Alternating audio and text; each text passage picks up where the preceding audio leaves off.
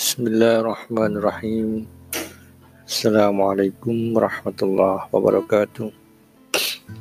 Innal hamdalillah nahmaduhu wa nasta'inuhu wa nastaghfiruh wa na'udzu billahi min shururi anfusina wa min sayyiati a'malina.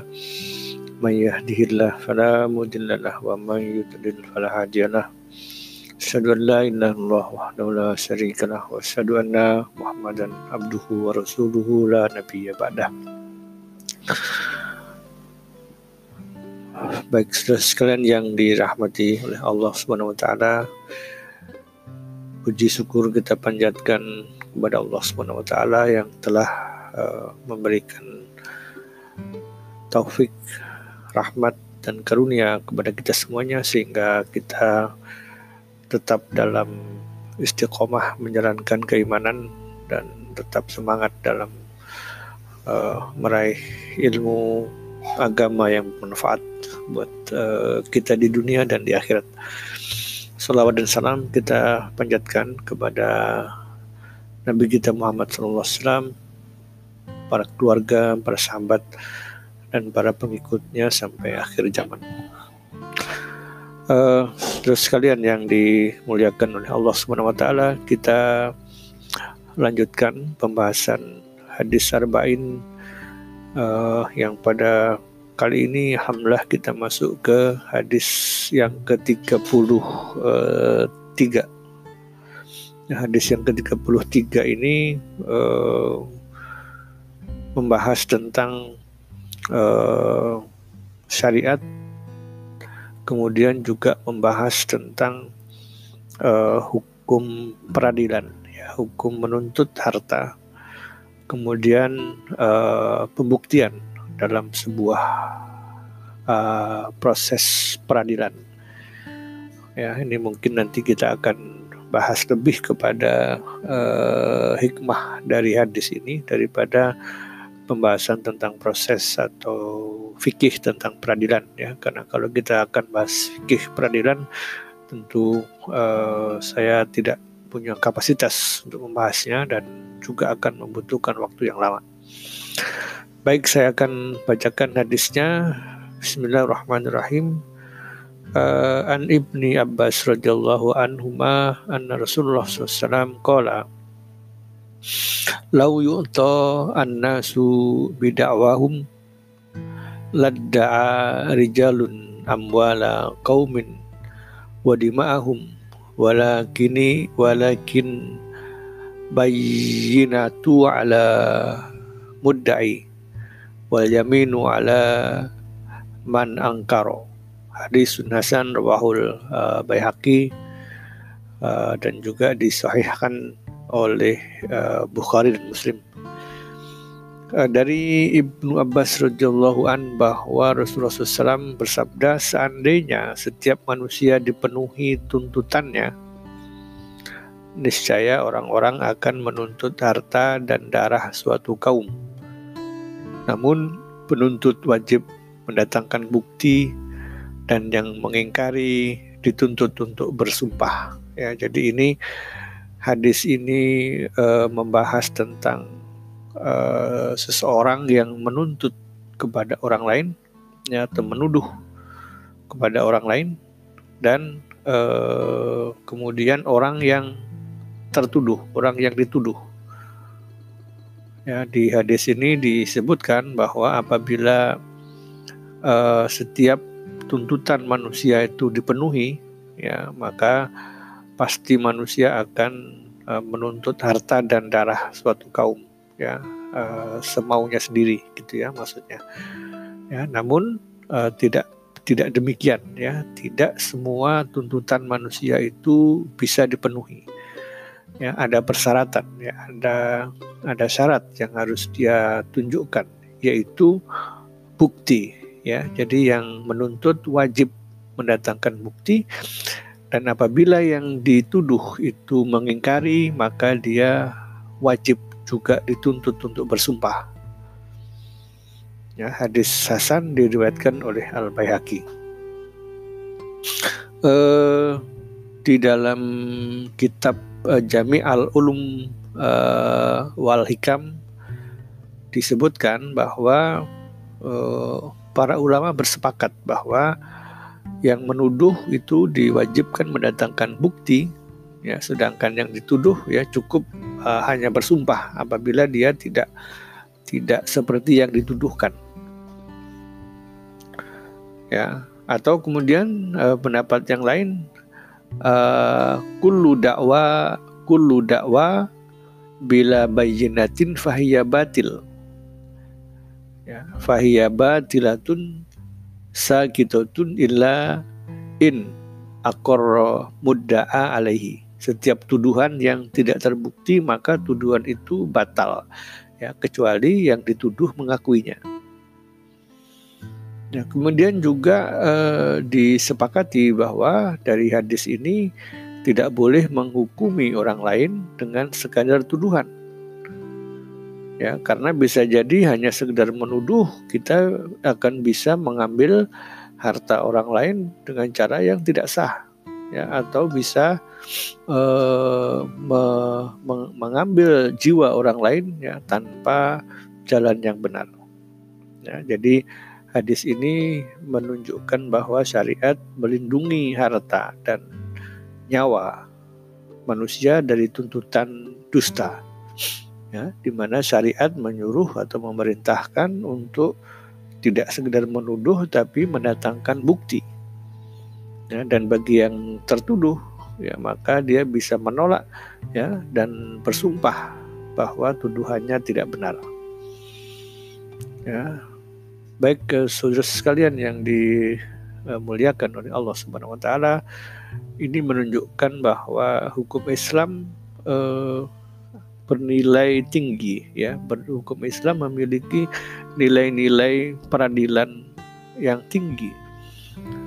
Ya, eh, sehingga ketika hukum Islam diterapkan di tengah-tengah masyarakat maka uh, akan tercipta suatu keadilan ya akan tercipta tatanan uh, sosial proses peradilan yang menjunjung tinggi prinsip-prinsip keadilan.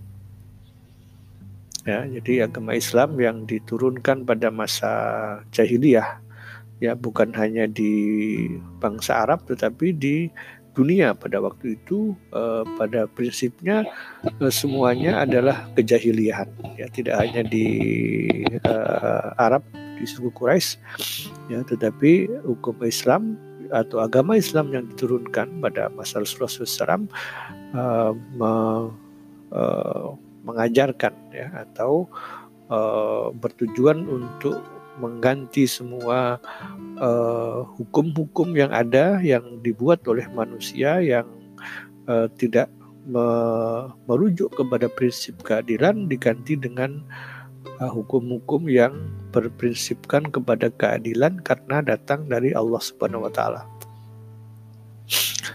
Ya, baik eh, sekalian yang dirahmati oleh Allah Subhanahu wa taala, kita coba melihat ya bagaimana proses peradilan di masa Rasulullah SAW. Ya, karena kalau kita melihat dan menjadikan rujukan proses peradilan di zaman sekarang, ya tentu kita akan dibuat bingung, ya dibuat pusing ya karena uh, yang terungkap di dalam peradilan atau yang dikabarkan uh, uh, oleh surat kabar oleh media ya tidak tahu apakah itu benar atau itu salah ya jadi proses peradilan di dunia hanya di, digunakan oleh orang-orang yang mempunyai kekuatan kekuasaan ataupun uh, kemampuan untuk membayar uh, untuk mengaburkan ya untuk membalikkan uh, kezaliman menjadi kebenaran. Nah, artinya prinsip keadilan yang di uh, harus dijunjung tinggi itu tidak tidak lagi menjadi uh, prinsip dalam uh, sebuah proses peradilan di dunia sekarang ini. Uh, proses peradilan di dalam Islam sebetulnya uh, sangat sederhana. Ya, jadi uh, jika ada permasalahan ya ini ketika masih ada Rasulullah SAW ya Rasul masih hidup maka setiap permasalahan akan diajukan uh, kepada Rasulullah SAW ya atau kemudian ketika Rasulullah uh, hijrah ke Madinah kemudian mengutus para sahabat untuk uh, menjadi hakim ya untuk menjadi uh, apa namanya uh, pemimpin di suatu daerah ya uh, maka uh, setiap permasalahan perselisihan dibawa kepada Rasulullah atau kepada kepada sahabat yang ditunjuk Rasulullah di suatu wilayah dan mereka mengambil keputusan ya tanpa harus uh, menunggu proses yang panjang. Ya jadi Rasulullah SAW mengambil peran uh, banyak dalam hal memutuskan ya eh, karena uh, itu merupakan suatu rahmat bagi manusia pada saat itu dan putusan-putusan yang diambil Rasulullah, Rasulullah SAW ya tentu uh, bersifat uh, kebenaran yang yang hakiki ya kan datang dari Allah Subhanahu taala dan juga sambil mengajarkan kepada manusia uh, bagaimana menyelesaikan sebuah perselisihan. Uh, Kemudian juga bahwa dalam proses peradilan uh, pada masa Rasulullah itu terkesan tidak formal. Ya, jadi belum ada lembaga-lembaga formal yang dibuat, yang dibentuk. Ya, belum ada uh, hakim yang ditunjuk secara formal, belum ada pembukuan dari Al-Quran uh, yang kemudian diambil dari situ hukum-hukum uh, peradilan ya jadi semuanya masih terpusat kepada Rasulullah SAW jadi Rasulullah langsung memutuskan eh, perkara-perkara uh, yang ada pada masyarakat. Kemudian uh, juga kasus yang terjadi pada masa Rasulullah itu diselesaikan dengan cara yang sederhana. Ya jadi belum ada gedung pengadilan yang khusus ya belum ada administrasi mencatat setiap uh, perkara dan sebagainya. Jadi uh, lebih kepada bagaimana kasus diselesaikan dengan waktu yang cepat dan uh, berdasarkan kepada Al-Quran dan uh, hadis atau atau perintah dari Rasulullah SAW secara langsung. Uh, kemudian setelah Islam mulai berkembang, maka Rasulullah menunjuk ya me mewakili uh, suatu daerah di, diwakili oleh uh, seorang sahabat. Ya misalnya Uzaifah uh, ibnu Yaman ya yang uh, juga diutus untuk menjadi hakim di sebuah daerah. Ya kemudian Muaz bin Jabal ya uh, adalah seorang sahabat yang diutus ke wilayah Yaman ya jadi Muaz di, diperintahkan untuk menjadi uh, utusan Nabi ke daerah tersebut. Ya mengurusi masalah zakat mengurusi masalah memutuskan dalam sebuah perselisihan uh, dan sebagainya. Ya. kemudian juga uh, pada masa kekhalifahan ya ada sejumlah sahabat yang diangkat menjadi hakim ya oleh para khulafaur rasyidin Ya, misalnya uh, ada Suraih bin Kharis untuk di Kufah ya Abu Musa al Asyari diutus untuk wilayah uh, uh, Basrah. Kemudian Utsman bin Qais uh, bin Abi al-As diutus uh, untuk menjadi kodi, menjadi hakim di Mesir ya atau uh, bin Amir untuk wilayah Madinah. Ya, jadi uh, pada masa khalifah sudah uh, mulai tertata ya, sudah mulai uh, rapi ya, sudah mulai menunjukkan ada proses administrasi dan ada perwakilan-perwakilan uh, hakim yang diutus ya untuk menjadi uh, pengambil keputusan di suatu wilayah. Uh, tentu uh, mereka para hakim itu melewati proses pemilihan dan kemudian dipastikan mereka memahami uh, apa namanya hukum-hukum Al-Qur'an dan Al-Hadis dengan baik ya. Termasuk uh, hadis yang kita baca tadi ya bahwa uh, seorang penuduh harus mendatangkan bukti dan uh, yang tertuduh ya bisa menolak dengan uh, memberikan sumpah ya ada beberapa contoh uh, yang mungkin kita bisa ambil sebagai pelajaran ya. Uh, ketika uh, Umar Umar bin Khattab ya beliau seorang khalifah ya beliau membeli seekor kuda dari seorang badui. Ya setelah transaksi dibayar maka uh, Umar bin Khattab mencoba menaiki uh, kuda yang baru dibelinya Ya rupanya uh, kuda itu ada cacatnya sehingga tidak bisa lari kencang. Uh, maka kemudian Umar bin bin Umar bin Khattab uh, komplain ya protes dan ingin mengembalikan kudanya kepada si Badui. Ya, si Badui menolak ya dan dia bersuku kuda yang dijualnya itu tadi nggak nggak cacat. Ya, maka kemudian uh, dibawalah permasalahan itu ke uh, hakim ya. Dan hakim pada waktu itu uh, Suraih bin Al Haris ya sebagai uh, hakim mem memutuskan ya uh, kepada Umar wahai Umar kamu telah membeli kuda itu dan sudah membayar ya. Maka uh, ada dua putusan ya ada dua pilihan ya ambil kuda itu apa adanya ya atau kemudian engkau harus mengganti kuda serupa dalam kondisi sehat. Ya, maka tentu Umar bin Khattab uh, uh, Umar uh, bin Khattab tidak tidak tidak mau mengganti ya dan karena memang ke kelalaiannya tidak memeriksa uh, apa namanya kondisi kuda kesehatan kuda ketika dia membeli ya, setelah transaksi selesai maka uh, tidak tidak bisa lagi dikembalikan Nah, bahkan dia diminta untuk uh, mengganti rugi ya. Tentu uh, Umar bin Khattab tidak mau. Itu menunjukkan bahwa proses peradilan uh, memegang prinsip yang tadi hadis disampaikan ya. Ketika Umar bin, bin Khattab menuntut uh, si Arab Badui uh, tanpa tanpa bukti. Ya, jadi ketika dia membeli dia tidak ada bukti yang menunjukkan bahwa ketika dia beli uh, kuda itu cacat. Ya, sementara si Badui bilang uh, waktu dibeli itu sehat.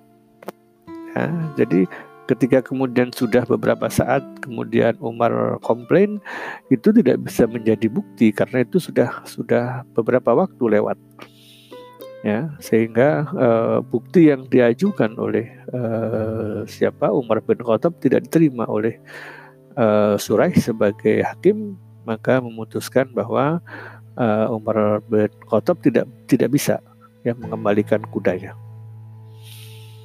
Jadi uh, itu satu contoh yang menunjukkan bahwa uh, uh, hukum Islam atau proses peradilan pada masa Rasulullah SAW atau pada masa uh, Khalifah ya itu memegang prinsip keadilan ya meskipun khalifah ya penguasa ya pemimpin kaum muslimin ya tidak bisa uh, memenangkan perkara. Ya kemudian ada contoh yang lain ya ada contoh yang yang lain yang uh, ini terjadi antara antara uh, Ali Ali bin Abi Thalib ya beliau juga seorang khalifah. Ya kemudian Suraih masih menjadi hakim ya jadi Surah ini rupanya hakim yang cukup lama memegang jabatannya ya. Mungkin karena beliau amanah kemudian dari mulai Umar bin Khattab sampai Ali beliau masih memegang jabatan sebagai ya, hakim. E, kemudian e, Ali sebagai khalifah keempat dia me, me, menuduh seorang Yahudi mengambil baju baju perangnya ya baju baju besi ya kemudian berkata kepada hakim uh, wahai uh, Bapak Hakim, aku menemukan baju besiku ini dibawa oleh uh, orang ini tanpa melalui jual beli atau saya tidak pernah memberikan kepada orang ini. Ya, kemudian uh, mendengar pengaduan Ali, uh, si Yahudi tadi menyampaikan pembelaan. Ini baju perangku, ya sebab sekarang saya yang mem memegangnya. Ini ada di tanganku. Ya, jadi si Yahudi menyanggah tuduhan dari Ali.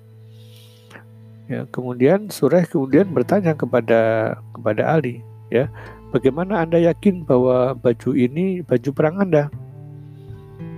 Nah, kemudian Ali menjawab, e, karena e, orang yang memiliki baju perang seperti ini hanya saya. Ya, e, apa namanya e, pembelaan Ali tadi kemudian dijawab oleh hakim. Ya, hakim berkata kepada Ali, ya, wahai Khalifah Ali, aku tidak meragukan bahwa anda adalah orang yang jujur, ya, dan aku yakin baju ini milik anda. Tetapi anda harus mendatangkan bukti yang lain, bukti fisik, ya. Uh, coba datangkan dua orang saksi yang menguatkan pengakuan anda ini. Ya, Kemudian Ali e, kembali dengan dua orang saksi, ya, yaitu pembantunya dan anak kesayangannya Hasan. Ya, tapi Suraih tidak menerima kesaksian Hasan karena itu anaknya, ya, anaknya Sayyidina Ali.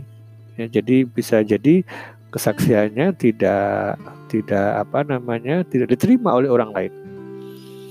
Ya, akhir cerita bahwa akhir kisah bahwa Suraih menolak uh, tuduhan Ali dan kemudian uh, tetap memberikan baju itu menjadi haknya si Yahudi.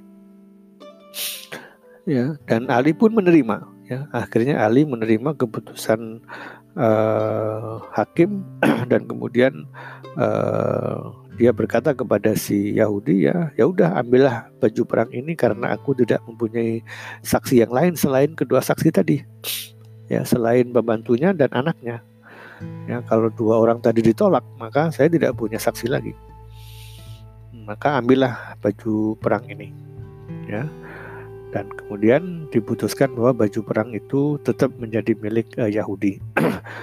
ya, tapi kemudian si Yahudi uh, karena waktu itu dia belum memeluk Islam, dia sangat kagum dengan bagaimana proses keadilan ditegakkan uh, di dalam masyarakat. Kemudian dia uh, berkata uh, bahwa bahwa sungguh ini adalah baju milikmu yang aku ambil tetapi aku uh, kagum uh, akan proses peradilan dan kemudian dia mengucapkan dua kalimat syahadat. Ya, jadi itu menjadi contoh bahwa uh, apa namanya uh, hukum Islam ditegakkan atas dasar uh, pembuktian dan sumpah. Ya jadi meskipun seorang khalifah tidak bisa mendatangkan bukti maka dia tidak akan bisa menang di pengadilan ya. Uh, baik ya sudah sekalian yang dimuliakan oleh Allah Subhanahu Wa Taala. Jadi pada prinsipnya uh, hukum tentang peradilan adalah adalah uh, adalah hukum dari Allah.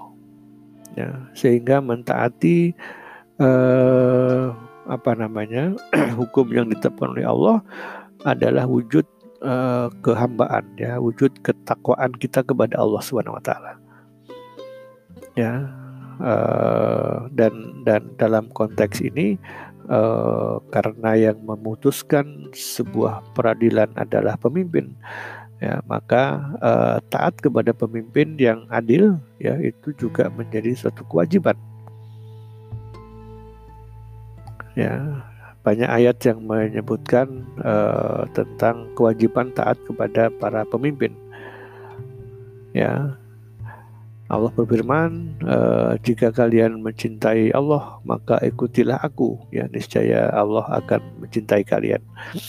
Ya artinya uh, Rasulullah mengatakan kepada kita bahwa uh, jika kita umatnya mencintai Allah maka wajib mengikuti perintah Rasulullah ya, maka balasannya Allah juga akan mencintai uh, kita. Sebagian ulama yang bijak mengatakan yang penting bukanlah engkau mencintai, tapi yang penting adalah engkau dicintai. Ya, jadi uh, uh, mencintai itu berarti uh, subjeknya kita gitu ya. Jadi uh, uh, kalau kita mencintai tapi kemudian kita tidak dicintai, itu berarti sebetulnya kita harus introspeksi.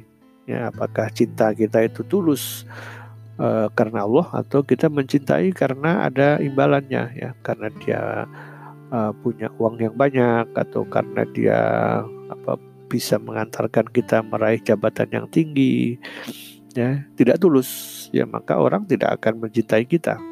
Ya maka benar yang dikatakan oleh ulama yang bijak bahwa yang penting bukan kita mencintai ya. Tapi yang lebih penting adalah bahwa kita harusnya uh, berharap orang mencintai kita. Ya seperti yang kemarin di hadis arba'in yang ke-31 kalau tidak salah. Ya bagaimana supaya kita dicintai oleh Allah dan dicintai oleh manusia. Ya kuncinya adalah ya kita zuhud. Ya ketika kita zuhud terhadap uh, apa yang diinginkan oleh manusia maka manusia akan mencintai kita Uh, kemudian uh, sekalian yang dimuliakan oleh Allah Subhanahu wa taala beberapa faidah yang bisa kita pelajari ya dari hadis tadi. Yang pertama bahwa kesempurnaan syariat ya, itu akan bisa melindungi harta dan jiwa manusia. Ya, jadi itulah fungsi syariat, itulah fungsi uh, agama yang lengkap ya, agama yang paripurna ya yang tidak hanya mengurusi urusan individual tetapi mengurusi urusan-urusan sosial ya mengurusi urusan-urusan tentang uh, keadilan dalam masyarakat ya dan Islam uh, memiliki syariat ya memiliki aturan-aturan yang lengkap tentang bagaimana uh, umat uh, dilindungi hartanya dan jiwa. Kemudian juga hadis tadi memberikan faidah ya, pelajaran bahwa bahwa uh, alur pela, alur peradilan dan cara menyelesaikan perselisihan ya bahwa setiap orang yang menuduh harus menunjukkan bukti ya dan ini uh, bisa dibahas dalam suatu diskusi yang panjang ya bagaimana membuktikan ya pembuktian yang diterima itu yang seperti apa ya saksi yang diterima itu yang seperti apa gitu ya Nah, itu ada dalam fikih uh, peradilan.